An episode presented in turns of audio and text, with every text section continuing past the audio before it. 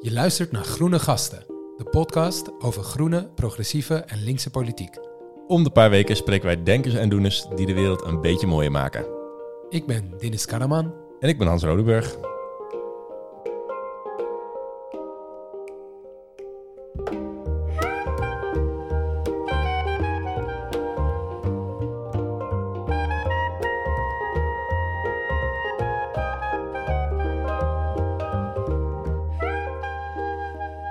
Welkom allemaal. We gaan het vandaag hebben over hoe we allemaal het kapitalisme hebben geïnternaliseerd. En hoe we daar vanaf kunnen komen. Uh, we doen het met Marian Donner, schrijver van de boeken De Grote Weigering en Het Zelfverwoestingsboek. Met de prachtige ondertitel Waarom we meer moeten stinken, drinken, bloeden, branden en dansen. Welkom Marian. Hi. We hebben natuurlijk uh, jouw boeken zorgvuldig gelezen als voorbereiding. En, uh, en er veel over gediscussieerd al eigenlijk in de voorbereiding. Ja. Is dat zo? Ja, zeker. zeker. Het maakte heel veel los. Dus dat is heel leuk. mooi, mooi. Dus we hadden alle twee heel veel zin in dit gesprek. Um, Denise, ik, ik wil dus eerst even van jou horen. Wat maakt het allemaal los bij je? Woe! Uh, veel, veel merkte ik. Het is ook grappig. Ik heb eerst het zelfverwoestingsboek uh, gelezen. En dat ging van, hell yeah, ik ben het hier echt mee eens, naar, oh my god, nee, nee, nee, nee, nee. en dus een soort van Hoge hoopvol, pieken, wanhoop. ja, ja, soms ook dat je merkt van, ik voel me echt zo erg aangevallen nu, wat hier staat. Oh. ga ik nu hardlopen omdat ik hier zin in heb? of ga ik hardlopen omdat ik gewoon een hamster ben en niet meer kan nadenken? Het is goed om over na te denken. en ik merkte bij de grote weigering, ook omdat ik denk dat dat iets meer ook... Uh, uh, ik weet niet of ik het moet noemen, een filosofische inslag, maar het is een iets andere uh, aanpak Ja. als boek. Daar merkte ik van, oh wauw, ja, systeemkritiek. Hoe ga je hiermee om? Maar ook gewoon echt van die vraag van, welke vorm van systeemkritiek is nog buiten het systeem? Shit, hé, waar, waar gaan we heen? Wat, wat, doet dit, wat doet dit met me? Ja. Uh, jij dan, Hans? Wat, uh, heb, jij, heb jij het gevoel dat je een geslaagde zelfverwoester bent? Ja, ik had wel dezelfde twijfel, ja. Dat ik dacht, aan enerzijds heel erg. Ik bedoel, ik hou ook heel erg van drinken, dansen, stinken, dat soort dingen. Aan de andere kant, ik merk ook wel dat ik ook wel heel erg ervan ben geworden dat ik ga hardlopen omdat ik weet dat het een gelukstofje in mijn hersenen aanmaakt. En dan voel ik me daar weer beter en fitter. En dan stiekem denk je ook wel, ik doe dit ook vooral omdat ik dan nog weer even net dat boek kan lezen met extra scherpte. Dus je gaat heel anders over, over al je keuzes nadenken. Dus uh, nee, het heeft me ook lang bezig gehouden, ja. ja. Nou, wat goed. Ja, daar, daar ben ik alleen al heel blij mee. Kijk, mooi. Winst. Hey, maar laten we de inhoud induiken. Want uh, we hebben veel te bespreken, namelijk het kapitalisme. Ja. je schrijft, uh, ja, je hebt er nu twee boeken over geschreven eigenlijk. Ja. Waarom is dit onderwerp, het economisch systeem waarbinnen we leven, zo belangrijk voor jou? Ja, omdat ik denk, en dat is ook zo, dat uh, dat economisch systeem zo groot is geworden, zo allesbepalend voor onze levens. En het is helemaal niet alleen een economisch systeem, het is ook een sociaal systeem. En het beïnvloedt dus de manier waarop we denken, waarop we werken.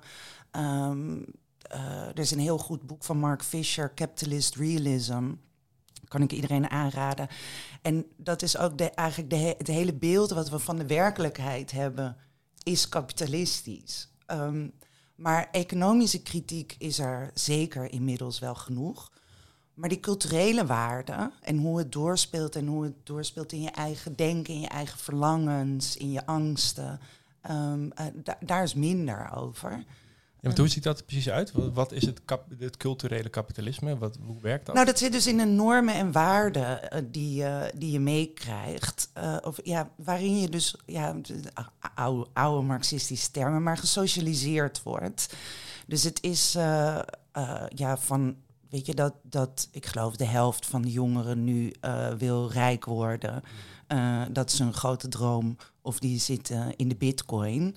En die wil zo snel mogelijk rentenieren. Dat, dat zijn dus verlangens uh, die, die aangewakkerd worden door de cultuur waarin je leeft. En door het soort mensen wat wij op een schild uh, heffen.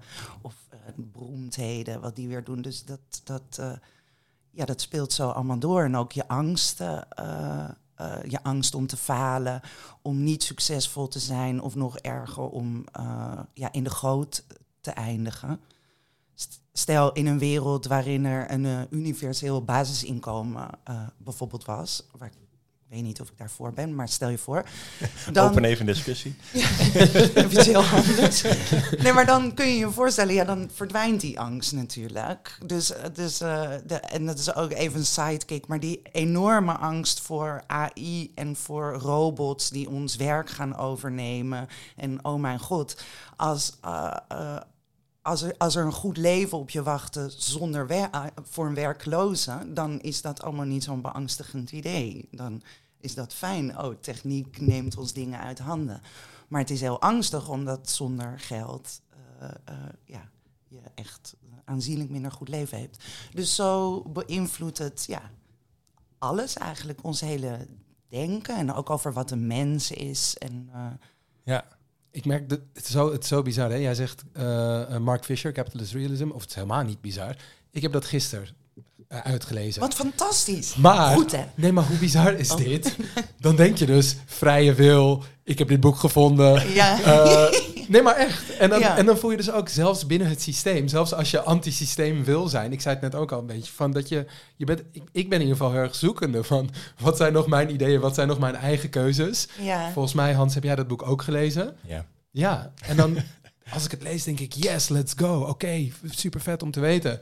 En dan hoorde ik jou er niet over beginnen, denk ik, oh ja, oké, okay, oké. Okay. Dus dan heb je hipsters, dan heb je, weet ik van, dan heb je anti die lezen dan dit. Dus Ja. het voelt ook weer een soort van, heb ik dit zelf gekozen? Ja, Heeft- nee, exact. En, dat, ja, nee, en daar gaat Marcuse ook, wel- want mijn, mijn boek De Grote Weigering gaat, is aan de hand van Marcuse. En die heeft daar veel over geschreven, over de cooptatie of inkapseling, noemt hij Ja, dat, ja. van, van, eh, van ideeën. Dus dat zie je nu ook al, van mm, grote bedrijven die reclame maken tegen het kapitalisme of neoliberalisme. Een van de koffieproducent doet dat. Ehm, en, en ja, nee, eh, eh, eh, ik vond uh, Marcuse, de eendimensionale mens, heb ik gelezen. Dat is echt heel deprimerend ook. Omdat de vraag is, dus ja, is hier nog wel een weg uit? Kun je daar eigenlijk wel buiten staan? Dat je niet buiten kapitalisme kunt staan, dat is wel duidelijk. V- Voor mij, zelfs als je op een hutje op de hei gaat wonen, zeg maar, je eigen groenten gaat verbouwen en je eigen kleren gaat maken, dan nog komen die zaden ergens vandaan.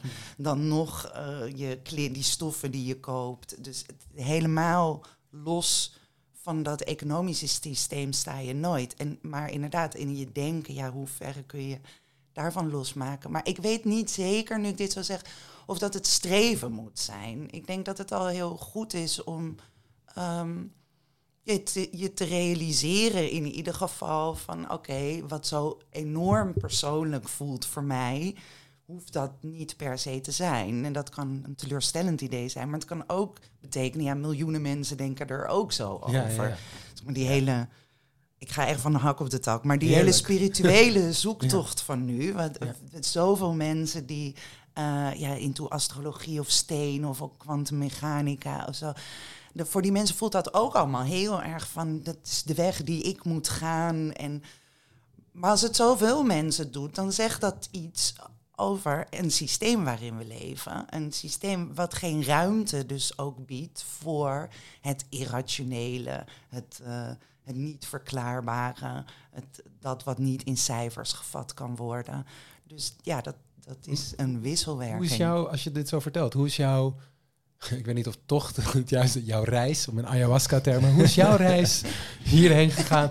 Want heb je dan ook gedacht, ja, shit, we gaan gewoon naar het buitenland verhuizen. We gaan inderdaad ergens op de hei, of niet in het buitenland, maar we gaan ergens heen, we gaan, eh, Nee. eh, we gaan het zo doen. Is dit een, eh, zijn er stappen hier vooraf gegaan aan waar je nu bent? Nee, En- nou, want het fijne dus aan, aan als je zo erg, ehm, wat is nou een goed woord, ja, zo dus het cultureel allemaal bekijkt, ehm, is dat ja, de individu niet heel veel te verwijten valt. Dus, dus en dat, daar gaat zelfverwoestingsboek ook wel over, dat, dat pleit je dus in zekere zin niet vrij, want je doet er allemaal aan mee. Maar de verantwoordelijkheid die zo vaak op het individu wordt gelegd, zo van het is jouw schuld dat de aarde opwarmt. een beter milieu jij- begint bij jezelf. Exact, want jij koopt nog vlees. En eh, ja, die, die kun je meer van je afzetten als je het in grotere systemen bekijkt. Dus eh, dat, dat, en dat is eh, een vrij prettige positie. Want ik denk dat heel veel mensen nu door dat, ja, dus dat, dat, hyper, dat individuele, die in- eigenlijk is het dat het persoonlijke elke keer weer. Nee, het politieke wordt persoonlijk gemaakt. Ehm, en daar komen heel veel schuldgevoelens en schaamtegevoelens bij mee met, bij mensen. Van doe ik het wel goed? Ga ik rennen omdat ik het zelf wil? Of uh, ja, dus of ik, ik heb weer niet aan mijn to-do-lijst gewerkt en ik, ik, hoe noem je dat? Ik ondermijn mezelf en mijn eigen toekomst wordt dan ook zo heel groot. Ja. als je dat een beetje van je af kan leggen, schuld en schaamte, dat is een bevrijding. kan je iets meer vertellen over die, want je zegt dat inderdaad die individualisering van problemen, hoe jij als individu verantwoordelijk bent voor dingen. Hoe hangt dat dan samen met het kapitalisme? Nou, dat is een systeem wat zichzelf dus uh, buiten het zicht stelt. Dat, dat, is, dat is gewoon the greatest trick the devil ever, ever pulled, zou je kunnen zeggen. Dat is zo slim dat, dat dat je dus helemaal in dat uh, eigen verantwoordelijkheid, succes is een keuze, het leven is wat je er zelf van maakt, je moet zelf de gordijnen ophangen. en ondertussen, uh, ja, nou, nu komen de hele tijd dingen. Ik wil als je in de toeslagenaffaire of in Groningen woont, uh, of je woont ergens waar opeens grote blokkendozen worden neergezet. Daar, daar hebben we allemaal helemaal geen invloed op de, de, opwarming van de aarde, kun je zeggen, ja, dat is allemaal. Uh, ja, nu denk je misschien, wat gebeurde hier nou weer? Nou, ik dacht, er worden glaasjes water ingeschonken en dat is herrie, dat is ongemakkelijk voor de luisteraar. Dus ik heb hem stopgezet om uh, de opname gewoon weer overnieuw te doen. Maar ja, toen kwamen we in discussie. Dit is natuurlijk totaal in strijd met de, gewoon het streven naar imperfectie. Dus we laten het gewoon lekker inzitten. We omarmen deze rommeligheid. Yes. Ja. Een betere wereld begint je bij jezelf. Hè? Tot het moment dat imperfectie dus ook een product... Oké, ik ga weer... Ja, nee, dat is waar. Nee, maar dit is wel echt een belangrijk ding, vind ik ook. Want in de beeldcultuur of alles wat je tot je krijgt... is altijd zo glad gemaakt en goed gemaakt. En zelden zie je bijvoorbeeld op tv een stotteraar of zo... Op de radio heb ik me laten vertellen, als iemand langer dan vijf seconden stil is, dan wordt er gewoon een muziekje ingestart. Ja, automatisch toch ook? Ja, automatisch omdat, oh maar, maar, dus dat is zo van ja, want het moet allemaal zo glad en soepel mogelijk, uh, zodat mensen niet denken, oh mijn god, wat is dit? Maar daarmee krijg je dus een heel onwerkelijk beeld. Dus het, het is eigenlijk een equivalent van photoshoppen van uh, de cellulitis van benen. Ja. En uh, advocaat van de duivel, wat is daar dan zo erg aan? Nou, dat je dus een, een, een onwaar beeld van de werkelijkheid krijgt. Dus, dat, dus uh, niet alleen van... Dus met Photoshop bijvoorbeeld, van ja, zo zien mensen er helemaal niet uit. En mensen denken, dat weten ze wel, maar toch als je de hele tijd die beelden krijgt van vrouwen met opgepompte lippen, dan denk je, mm, die lippen zouden mij ook wel goed doen.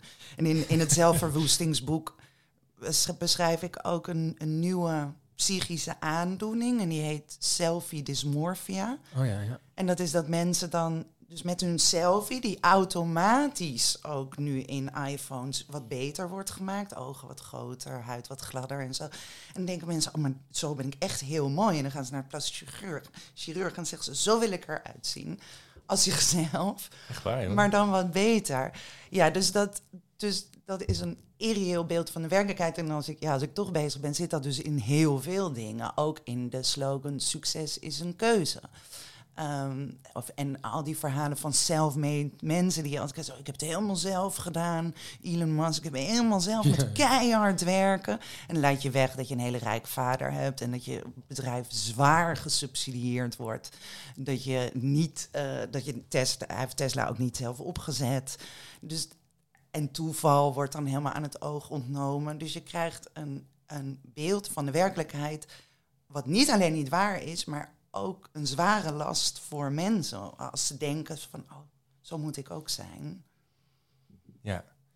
En ehm, als je nou kijkt naar wat voor rol kunnen wij hierin spelen als samenleving, wat, wat kan je hieraan doen? Kan je dit, kan je dit blokken? Ja, uh, nee. um, nou, omdat het dus, ik zie het dus allemaal als een soort, uh, ja, hoe we begonnen. Dus het is de, ja, de, de, de culturele kant van kapitalisme, eigenlijk. Um, dus ja, hoe moeten we dit stoppen? Door kapitalisme te stoppen. En dan is ja, dan is de vraag, ja, hoe dan? Uh, of, uh, uh, en dan, dan, dan komen we in een heel nieuw verhaal. Maar het is wel dat, is, dat ons economisch, sociaal-economisch beleid culturele pendant heeft. En dat is ook waar het begint. Dus ja. bij dat. Want jij richt in je boek heel erg op, op, op het individu, dus een soort anti-zelfhulpboek. En... Ja, maar niet echt. Want in het, in het zelfverwoestingsboek zeg ik van tevoren uh, je gaat niet gelukkiger worden van deze tips. Dus van het meer stinken, drinken, bloeden, branden en dansen. Gaat er niet gelukkiger van worden. Je gaat er ook niet productiever, helemaal niet rijker. Maar het zijn allemaal manieren om een zo dominant systeem, de waarde van dat systeem, te ondermijnen. Dus om dan niet mee te doen. Maar ja, of je zelf daar heel veel beter van wordt, weet ik niet. Maar dan, en Marcuse las ik pas later, toen ik het zelfverwoestingsboek al had geschreven. En die komt uit de jaren zestig, dus die was van mij ver voor. Maar het was wel heel fijn dat ik zag, aha, maar hij roept daar eigenlijk ook toe op uh, om dus, um, ja, dus uh, de grote weigering is ook, is ik speel dat spel niet langer mee. Om eigenlijk om te laten zien dat het ook anders kan. Dat een leven ook anders geleefd kan worden. Niet dat daarmee het kapitalisme gaat vallen. Wel als iedereen het doet. Uh, dus ik moet nu denken aan die hele trend, of trend, maar er wordt veel over geschreven, over quiet quitting of uh, the great resignation in, uh, in Amerika. Wat is dat, quiet quitting? Ja, dat, eigenlijk, dat is nog iets heel bescheidens. Dat is dat mensen gewoon om van 9 tot 5 werken en niet meer verder. Niet meer meer doen dan van ze wordt gevraagd. Thuis de telefoon niet meer opnemen. Uh, nou, daar wordt al moord en brand door sommige columnisten over geschreeuwd. Van, want waar is dat werkethos, de schouders eronder? En, maar heel veel mensen denken, ja, volk dit. Ik, uh, ik, ga, ik werk me uit de naad voor een hongerloontje. Ja, en voor een basis, uh, die, die gaat er met de winst vandoor. Ik kan nog steeds geen huis huren. Ik woon nog steeds bij mijn ouders. Dus bekijk het maar. En dan in Great Resignation, was vooral na corona, was dat heel veel jongeren hun baan opzeiden. Ook van, doe het niet meer voor zo'n minimum. Dat is natuurlijk wel problematisch als heel veel mensen, ik juich dat toe, maar als heel veel mensen dat gaan doen, dan moeten bedrijven wel gaan nadenken meer over arbeidsvoorwaarden. En, maar goed, dat was even een sidestep. Um, dus die, die weigering en, en het zelfverwoesten is, is dus niet per se individueel, omdat je het niet voor jezelf doet. Je, je doet het om tegen de waarde van een systeem in te gaan. En zo ook iets van dat systeem dus bloot te leggen. En, en zit er ook een ik, ik, toen ik het las, en dat was een paar, paar momenten, ik zei de highs en de lows. En mijzelf voelde, voelde ik soms van, ja, maar dit voelt ergens geprivilegeerd. Niet iedereen heeft de ruimte om Zeker. het zo te doen. Ja. En ik hoor jou nu zeggen, ik denk, oh ja, wauw. Als het nou vanuit een soort solidariteit, uh, solidariteitsprincipe wordt ingestoken. Ja. Dus de mensen die het kunnen ja, maar dan weet ik het nog steeds niet. Stel, ik... Nee, het is, het is extreem... Daar worstelde ik heel erg ja, mee. Van... Nee. nee, maar dat is, dat is uh, terecht. Want het is heel geprivilegeerd. Want als ik een alleenstaande moeder ben met twee banen... dan, wat, dan, wat moet ik daarmee? Dan heb ik helemaal niks aan dat uh, ah, lekker drinken. Zeker niet zelfs. Dus, dus het, is ook, het is niet als levensinrichting bedoeld.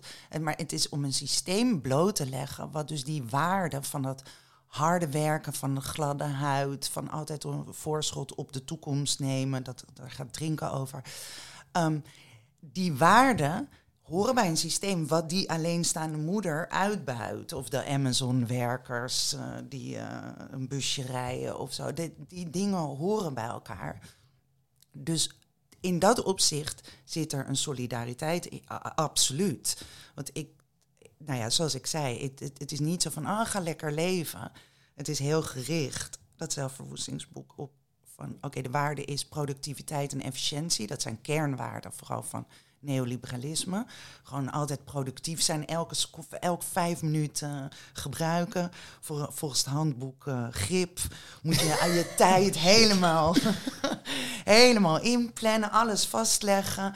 Want ze dan nog productiever, nog meer kan je meer carrière, alles zo efficiënt mogelijk. Ja, dat is hetzelfde als uh, Amazon die, die, rijden, die, die zegt je hebt vijf minuten om een pakketje af te leveren. Of de huisarts die vijf minuten van de verzekeraar uh, vijf minuten krijgt. Of alles moet opschrijven. Om ook alles zo efficiënt te maken. Of, of uh, uh, weet je, dat, dat, dat, nou ja, vooral werknemers. Die, dus ja, die, die, waarin alles zo efficiënt mogelijk wordt gemaakt om, om hun maar harder te laten werken. Die waarden die, die zijn hetzelfde. De, maar die hebben we dus over. Dat is de internalisering van, uh, van die kapitalistische waarden. En die wil ik, wilde ik blootleggen. En, en, en, en dan in een anti-zelfhulpboekvorm, maar wat dus niet op het individu gerecht Ja, ja want, want één, Rick Pastoor, ik weet niet of je meeluistert, uh, vriend van me die grip heeft geschreven. Echt waar? Het is ook echt het enige zelfhulpboek wat ik heb gelezen. Dus ja, ja, ja, maar ik weet heel veel mensen ook die dat een fantastisch dus, boek shout-out Rick. vriend van de show. Nee, maar, die, vinden, die, vinden dat een heel fijn boek nee, en ze hebben er ook heel veel Want waar bij aansluit is precies die dualiteit die ik net het vol. En dat vind ik juist interessant. Van in hoeverre... Kijk, er zijn ook dingen die je voor jezelf probeert te doen. Uh, weet ik veel. Stel je hebt, uh, je hebt ja, ik heb geen kinderen, maar stel je hebt drie kinderen, je hebt een drukke baan. Hoe zorg ik ervoor dat ik mijn kinderen vaker zie? Ik weet, en dat je dan vanuit efficiëntie gaat denken. Ja. Want je zit binnen dat systeem. Nou, dan kan je misschien bij grip terecht. Hoe kom je efficiënt, et cetera, et cetera. Heb je niet het systeem veranderd, maar heb je wel in, op individueel niveau heb je uh, meer tijd, meer vrijheid uh, gecreëerd. Ik ben de hele tijd op zoek naar oh ja, die balans tussen... Uh, want ook, ik had ook opgeschreven van uh, bij Marcus die, uh, die, die frictie, zeg maar. Ja. Hoe, hoe je daarmee omgaat en wanneer weet je, daar hebben we het net ook al over gehad, maar wanneer weet je wat, wat je eigen keuze is? Wanneer weet je waarom je wat doet voor, voor efficiëntie? als ja. het systeem zo alomvattend is, dat eigenlijk elke keuze die we maken zo ingericht is. Uh, doe ik grip om meer te hebben, wat jij ook aan het begin zei, uh, om plezier te hebben? Of uh, doe ik het om daarna mijn to-do's sneller af te krijgen? Ja. En wie, hoe kunnen we dat, want dat is meer denk ik een relevantere vraag. Hoe gaan we dit bepalen? Zeg maar, komt er een, is het doel ook van, is het een anarchie waar we naar, waar we naar streven? Of komen er regels waarin we, en dat is een hele grote vraag hoor, ik weet niet ja, of jij het is die... heel groot en het is heel doelmatig. Want ja... Um, dat ik, ik vind het wel grappig. Ik kan me heel goed voorstellen dat je dus naar hand, handelingshandvaten hoor ik hier in. Ja. Dat je zo van ja, maar hoe moet ik me dan gedragen of Ja, hoe moet ja. ik dan doen? Ehm, maar ik denk, dus waar ik moet aan moet denken, dus uh, Marcuse. eh, zijn, zijn punt is, je wordt het systeem, of eh, een van zijn punten, je wordt het systeem in verleid met gemak. Ja. En dat zie je overal. Dus technologie wordt ook steeds ingezet om het je nog makkelijker te maken. Om shoppen nog makkelijker te maken. Dus nou, je, vroeger moest je naar een winkel en in de rij staan. Dat is irritant. Ehm, maar dat hoeft nu. Daarna kwam op internet één druk op de knop.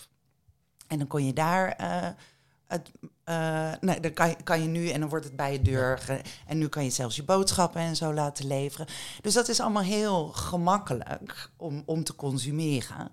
Ehm, dan vervolgens kan je dan zeggen, oh ja, shit, moet ik dat dan niet meer doen? Want dat is heel stom eigenlijk dat ik dat doe.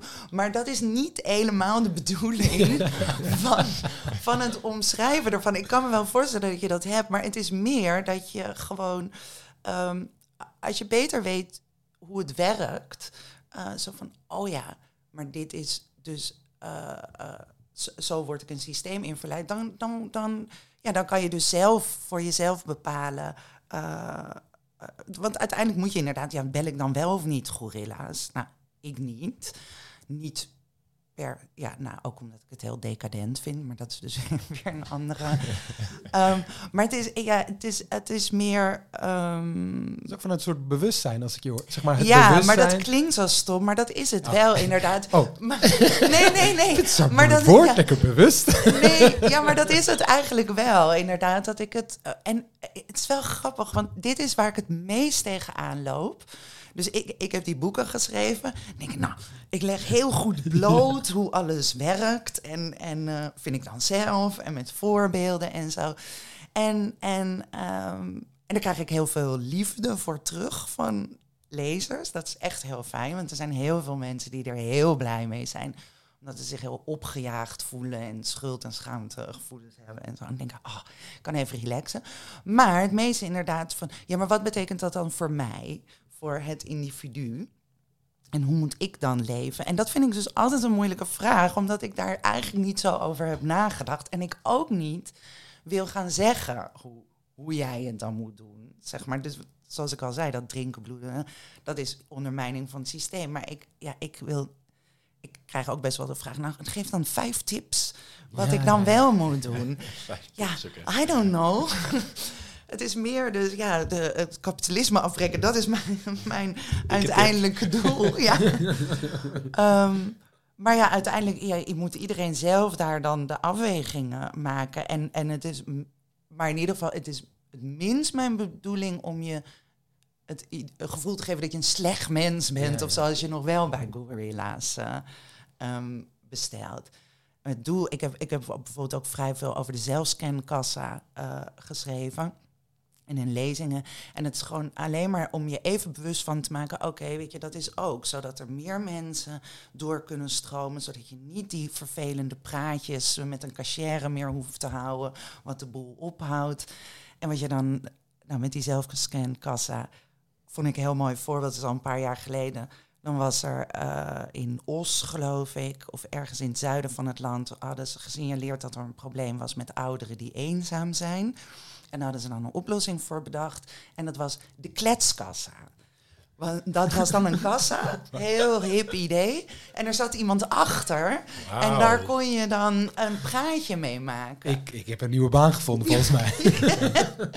Maar dat is dus heel typisch. en als je daar zo loopt door die beetje ellendig in het TL-licht van, van de supermarkt. En je moet nadenken over wat moet ik vanavond eten. En ja, dan denk je daar allemaal niet over na. Maar het is wel goed om even door te hebben hoe dat werkt. En hoe een bedrijf uh, ervoor zorgt dat jij zo makkelijk mogelijk, met zo min mogelijk frictie, uh, je, je, je ja, consumeert. ja. ja. Hey, eh, je had het erover van ik, ik, ik, wil eigenlijk niet te veel voorschrijven hoe dingen moeten.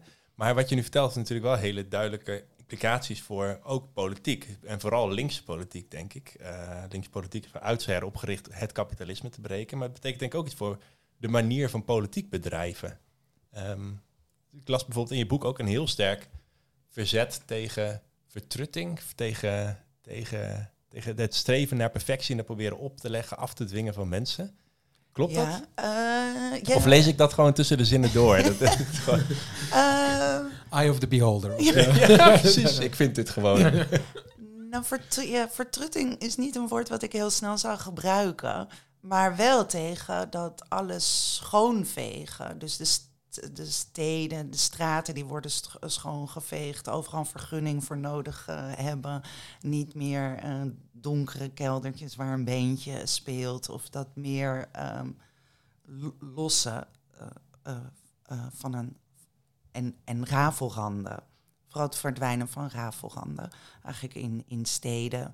Maar ook in onze levens. Ook in... in ja, ik zou bijna willen zeggen, ik wou, ik wou het woord ziel gebruiken, maar meer in de geest van, oh, uh, het is alsof alles schoon moet zijn. Dus dat zit ook heel erg in dat, dat is waarom we meer moeten stinken. Alles moet schoongeveegd worden. Dus we moeten schone darmen hebben. Uh, heel gezond eten om optimaal ook de beste versie van jezelf te worden. Uh, gedachten, negatieve gedachten moeten weggebannen worden. We moeten allemaal positief en met een glimlach door het leven. Um, eventuele jeugdtrauma's of hang-ups die je hebt, die moeten ook allemaal, moet je dan naar de psychiater of je moet er pillen voor nemen om, om ja, wat... Um, ja, wederom beste versie van jezelf. En uh, ook in steden, dat moet ook allemaal goed door kunnen uh, vloeien. Daar ben ik heel erg tegen. Ja.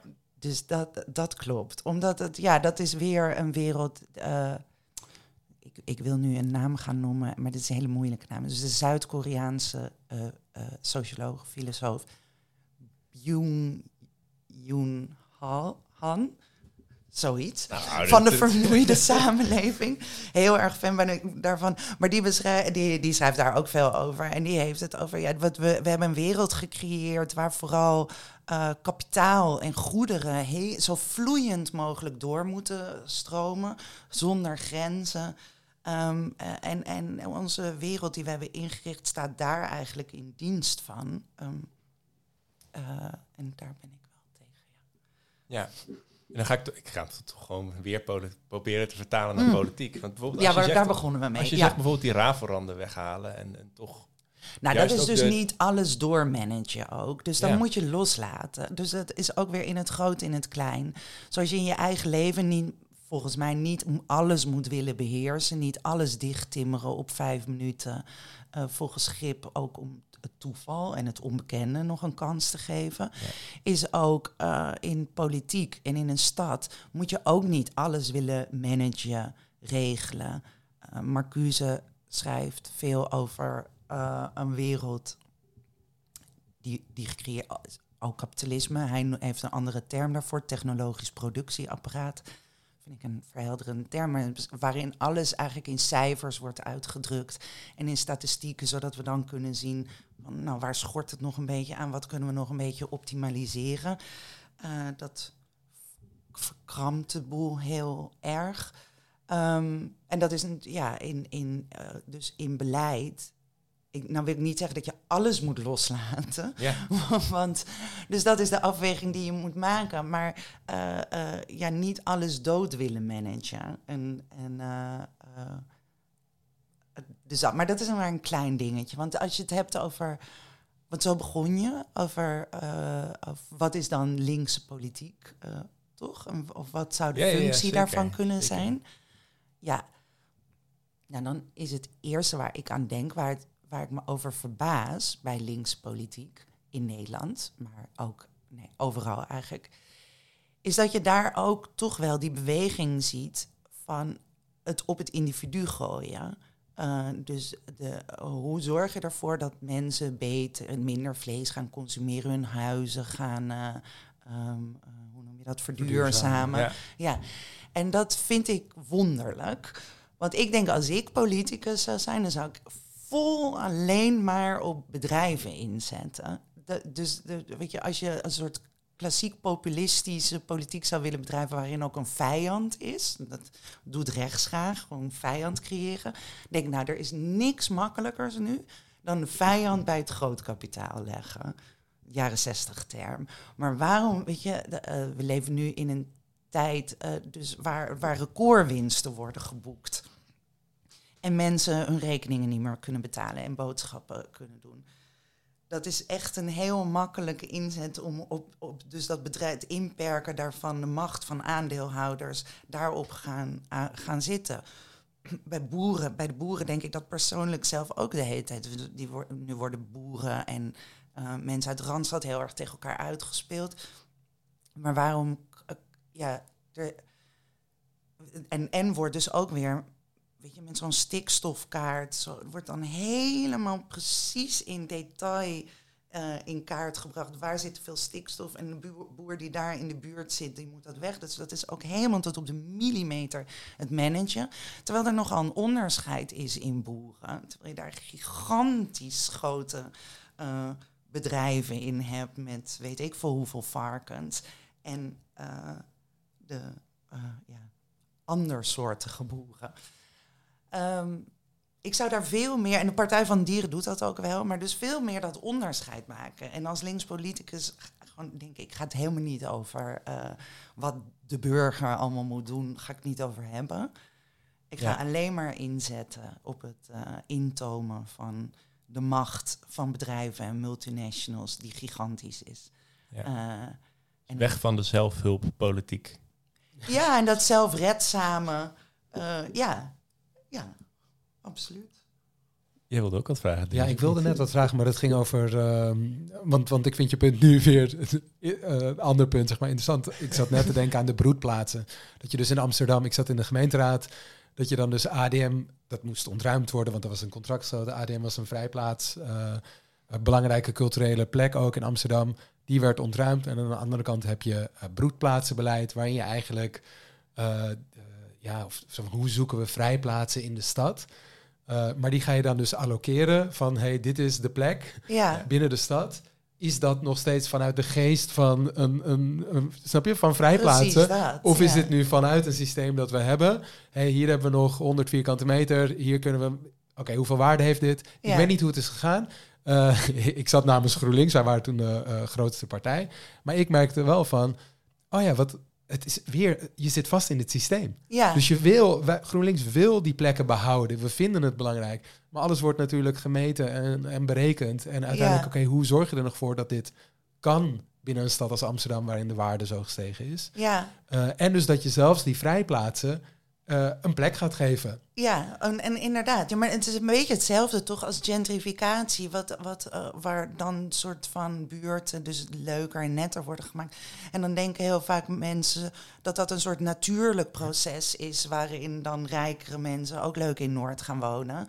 Of bij mij in West, uh, bij de Jan Eversenstraat. Maar daar zit ook heel veel beleid in, gewoon van een overheid die denkt, oh nou dan geven we leuke hippe koffietentjes, geven we dan wat korting om daar te gaan zitten, want dan wordt het aantrekkelijker voor die mensen. En, en dat is.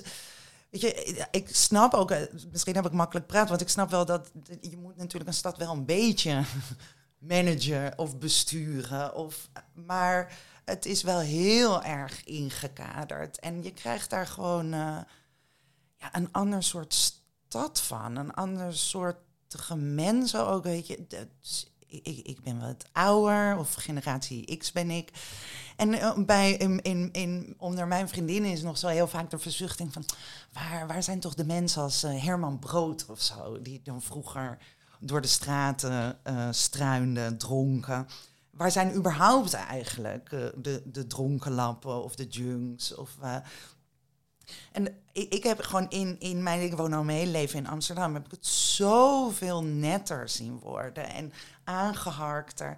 Maar ook niet meer dus de ja, de, de vreemde vrijbuiters, nou, die zitten dan ergens op een aangewezen plek inderdaad. Die mogen daar dan... Ja. ja. maar die zitten niet in het centrum. Ik, ik kom zelf kom ik niet eens meer in het centrum, omdat dat toeristengebied is geworden. Dus dat is, het is gewoon... Maar dat is, dit is een wereldwijd fenomeen. Maar dat is niet goed voor steden. Dat drukt de creativiteit en de spontaniteit en het andere uiterste zou het woord anarchisme uh, zijn. Nou zie ik mezelf wel als anarchist, maar dat is een ander verhaal. Maar daar pleit ik, ik pleit helemaal niet voor om alles los te laten. Maar um, ja, het leven wordt er zo uitgezogen. Net als het leven wordt uitgezogen als je je hele dag in vijf minuten... Sorry Rick Pastoor, dat ik elke keer daarop terugkom. maar als je je hele leven in blokken van vijf minuten... als je alles, als je vijfjarenplannen voor jezelf maakt... Als je, dan wordt het zo dichtgetimmerd dat er dus ook niks nieuws kan ontstaan. Je kan niet verrast worden, je kan niet overvallen worden. Ja. En je noemt het anarchisme van... Kern van het anarchisme is volgens mij dat gemeenschappen, lokale gemeenschappen weer grip krijgen om gezamenlijk hun eigen exact. leefomgeving vorm te geven. En misschien, ja. misschien gaat het daar ook veel meer over als je kijkt van wat voor politieke implicaties heeft het nou. Dat je veel meer met mensen gaat besturen in plaats van over mensen. Totaal. Besturen. Ja, als er iets uh, op zou moeten gebeuren, dan is dat het wel, ja. Nee, inderdaad, dat is gewoon dus ook op in steden op wijkniveau is, is veel te vaak dat dan de gemeente een plan heeft en dan is er een inspraakavond, maar er kan eigenlijk helemaal geen inspraak meer worden gegeven, is meer een formaliteit, die wordt afgehandeld. En, uh, ik, heb, ik heb onlangs boek van Eva Rovers gelezen over burgerberaden. Nieuws aan nou, ons, die? Ja, ja. ja. Nou, dat, ik vond, dat is echt een van de weinige boeken die ik, die ik uh, onlangs heb gelezen waar ik echt hoop van kreeg. Dat ik echt dacht, oh, maar dat kan gewoon. Het kan anders. Ik ben zo'n voorstander sindsdien daarvan. Van ja, geef burgers inderdaad veel meer. Uh, uh, maak die demo, neem die democratie weg, inderdaad, van, van soort van ja, professionele politici die innige lijntjes met lobbyisten hebben, die zelf daarna gewoon weer, in, als, wat deed Edith Schipper, ik weet het niet meer, in de zorg iets hoogs. Dus dat hele, die hele innige banden tussen politiek en bedrijfsleven, om die dan iets meer te, door te breken, is burgerbraden fantastisch. Ja.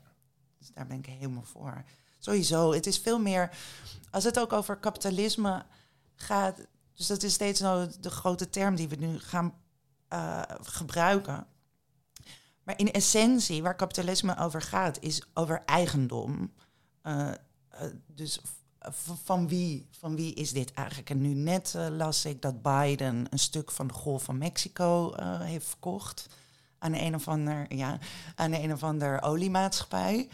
Uh, dus dan is het nu van hun uh, en uh, kunnen ze olie gaan opboren. En dat is dus de vraag, ja, eigendom. Van wie is die golf van Mexico eigenlijk? Van, van de dieren die daar, de vissen die daar leven, of van Amerika. Van wie is de Amazone? Dat het nog kan, dat je gewoon zegt, ik verkoop een ja. stuk zee. Ja, ja. Het komt nog voor dus. Ja, nou ja, er worden ook stukken Amazone gewoon verkocht. Want het gebeurt is, hier ook dagelijks. Alles, ja, alles is van ja. iemand. Ik, volgens mij, er was een keer een verhaal van iemand die een boom wilde planten in Nederland op een plekje wat van niemand was. Maar dat plekje is er niet. Wow. Want alle grond is verdeeld. Thijs dus, Luister heeft hier in zijn boek ook Wat we gemeen hebben, heeft ook een heel mooi voorbeeld van een man die die, die beseft in één keer dat nog niemand de maan heeft geclaimd. Ja, ja, die ja. wil dan zeggen, ik, ik eis nu de maan op. Ja. Want het stond ook nergens in de Verenigde Naties goed geformuleerd dat dat niet kon. Maar die verkoopt nu stukjes maan. Ja, en mensen kopen dat ook. Ja. Ja, nou dat is, ja, terwijl het niet echt van hem is. Maar, maar dat is dus de, ja, de, eigenlijk de centrale vraag van wie, van wie is de Amazone? Dus is het van de dieren? Is het van de indigenous people? Is het van, zijn het van de Brazilianen? Of is het van ons allemaal? Omdat we... Uh, uh, longen van de wereld zijn. En in kapitalisme is het antwoord gewoon, uh, de eigendom is, is van uh, bedrijven. Uh, de, en dat, daar zou ik graag een ander antwoord op willen.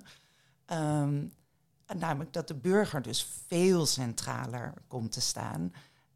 De, en, en, en, en veel meer ook ja, van, wie is, van wie is zijn tijd, van wie is zijn werktijd, van wie is zijn liggende handen die hij gebruikt. Nou, en volgens mij nu een groot politiek probleem is dat de burger zich zo onbeschermd voelt. Er zijn weinig politici die het gevoel geven dat ze voor je opkomen. En dan lees je weer dus over inflatie of Uber, voor wie de rode loper wordt uitgelegd. Of, um, um, en de partijen die het goed, heel goed doen, zijn de partijen die zeggen: Ik kom wel voor jou op. Dus de PVV zegt, ik gooi de asielzoekers daaruit. En de boer-burgerbeweging zegt, ik, ik kom voor de boer en voor iedereen. En volgens mij hebben zij zoveel succes gehad, omdat het dus het gevoel geeft van, oké, er is iemand die er voor mij. Uh, uh, en, en dat gevoel geeft de overheid veel te weinig. En ze zijn er ook niet voor de burgers. Ze zijn er ook echt voor het bedrijfsleven. Volgens allemaal ideeën dat dat dan goed is. En trickle-down economics en weet ik veel wat. Ja. Maar uh, dat mag wel veranderen. Daarmee uh, zijn we aan de, de eindvraag gekomen alweer. nu al? Ja, echt waar. Ja, we zijn al bijna drie kwartier uh, aan het praten. Ja. ja. En uh, ja, we hadden het over handelingsperspectief, politiek gezien. Wij hebben als laatste vraag in de podcast altijd... Ehm, natuurlijk vanuit de aanname dat uh, links ooit weer een keer gaat regeren... en dat wij er natuurlijk altijd uh, dan bij zitten. Uh, als jij minister zou mogen worden in dat kabinet... in dat volgende kabinet, wat natuurlijk knetterlinks en knettergroen is... welke post zou je dan willen? En, en wat zouden de drie maatregelen zijn die jij gelijk in gang zou zetten? Ja. Ja, dit vind ik zo'n moeilijke vraag. maar natuurlijk minister-president. Dus dat vooropgesteld. maar ja, het is ook. Het hangt allemaal zo samen. Dus dan, weet je, dan, dan kom kan ik zoiets heel onsexy zeggen als ik zou het eerste de macht van aandeelhouders inperken. Maar dat zou ik wel doen. En ja, ik, vrij sexy ik, hoor. Ik, oh, ja, maar het, is zo, het lijkt zo niet concreet. Maar het is zo belangrijk. ja, maar dat is dus ook eigendom. Ja, van wie, van wie, nu hebben de aan, is de wereld eigenlijk van aandeelhouders. Die moeten hun geld uh, verdienen. Maar en, maar en concreter zou ik uh, ja, onmiddellijk dus ook uh, die, die, die regeldruk in de zorg en in het onderwijs Uh, waarin ook, dus in de zorg van verzekeraars, geëist wordt dat alles in cijfers en dat mensen allemaal elke vijf minuten die ze een telefoongesprek uh, uh, opschrijven voeren, moeten opschrijven, want dat is weer geld en zo. Dus die, die, die grote partijen, de, dus de verzekeraars, zou ik onmiddellijk ook de macht van breken. Ook weer, dus om, om meer macht aan de burger of de werknemer te geven om je eigen tijd in te delen. Zelf te bepalen hoe jij uh, je werk wil doen, in, in welke settings, idealiter. Um, en dus ja, vrijheid naar de burger. Dus de, de, nou, hoe ik dat precies moet, de verzekeraars eruit moet gooien, weet ik ook niet. Maar goed, maar dat is dus... Heb je ambtenaren voor, hè? Ja, ik werk dit uit. Ik die schreeuw ik gewoon, doe dit. Wat fijn. Um, ja, want ik denk wel dat dat ook voor. Daar zijn zoveel mensen zo ontevreden over. over en worden daar gewoon ongelukkig van. Dat je niet meer. Dus je, je bent de zorg ingegaan omdat je met mensen wil werken en je zit formulieren in te vullen. Of in het onderwijs. Het wordt allemaal zo gestandardiseerd en waar jij dan aan moet voldoen. En er is geen geld om wat drukkere kindjes uh, in de klas te houden. Dus die moeten dan ook maar weg. Um, ik, ja, dat, nou ja, dat zie je dus overal. Dus ik zit op twee. Burgerpanels. ja, burgerparade. Hey. Ik zeg, dank u wel. Ja, nee, absoluut. Absoluut. En zij, zij, Eva Rovers heeft zelf ook gezegd, eigenlijk gewoon ook over de landbouw, zou gewoon een heel groot burgerberaad moeten komen. Waarin we bespreken, wat moet de toekomst van de land, wat, wat, voor land willen we zijn? Willen we al het vlees exporteren zoals nu gebeurt of niet? Burgers heel goed daarover informeren, raden samenstellen. En dan komt daar dus een visie uit. Van oké, zo daar willen we heen. En dan. Uh, maar alleen al die vraag, hè, wat voor land willen we zijn? Zeg maar, dat je die stelt. Zoveel mensen hebben volgens mij niet eens daarover nagedacht. Of de ruimte niet. Het is allemaal zo korte termijn. Ja. Jij stelt die vraag en ik voel al van wauw, yes. Dan ga je in gesprek en dan kom je waarschijnlijk veel dichter bij elkaar. Ja, nee, absoluut. Ja. Wanneer stelt een politicus die vraag? Wat voor nou, land willen we zijn? Ik heb, ik, heb volgens mij Caroline horen zeggen. Nee. Ja. Ah. Niet wat voor land willen we zijn, maar wel, ja, ik weet niet zeker. maar volgens mij dat, dat er een gesprek moet worden gevoerd over die landbouw, wat je dus wil zijn. Ja. Wil je een vee-exporteur? Wil je alleen voor jezelf, voor je eigen burgers? Uh, nou, dat, daar, dat zou fantastisch zijn. Ja. En als we met zo'n burger beraden, want dan hoort daarbij, lees vooral het boek van Even Rovers, maar dan hoort daarbij ook dat er een, uh, hoe noem je dat? je mag erover stemmen. Referendum? Ja, referendum, hele bevolking.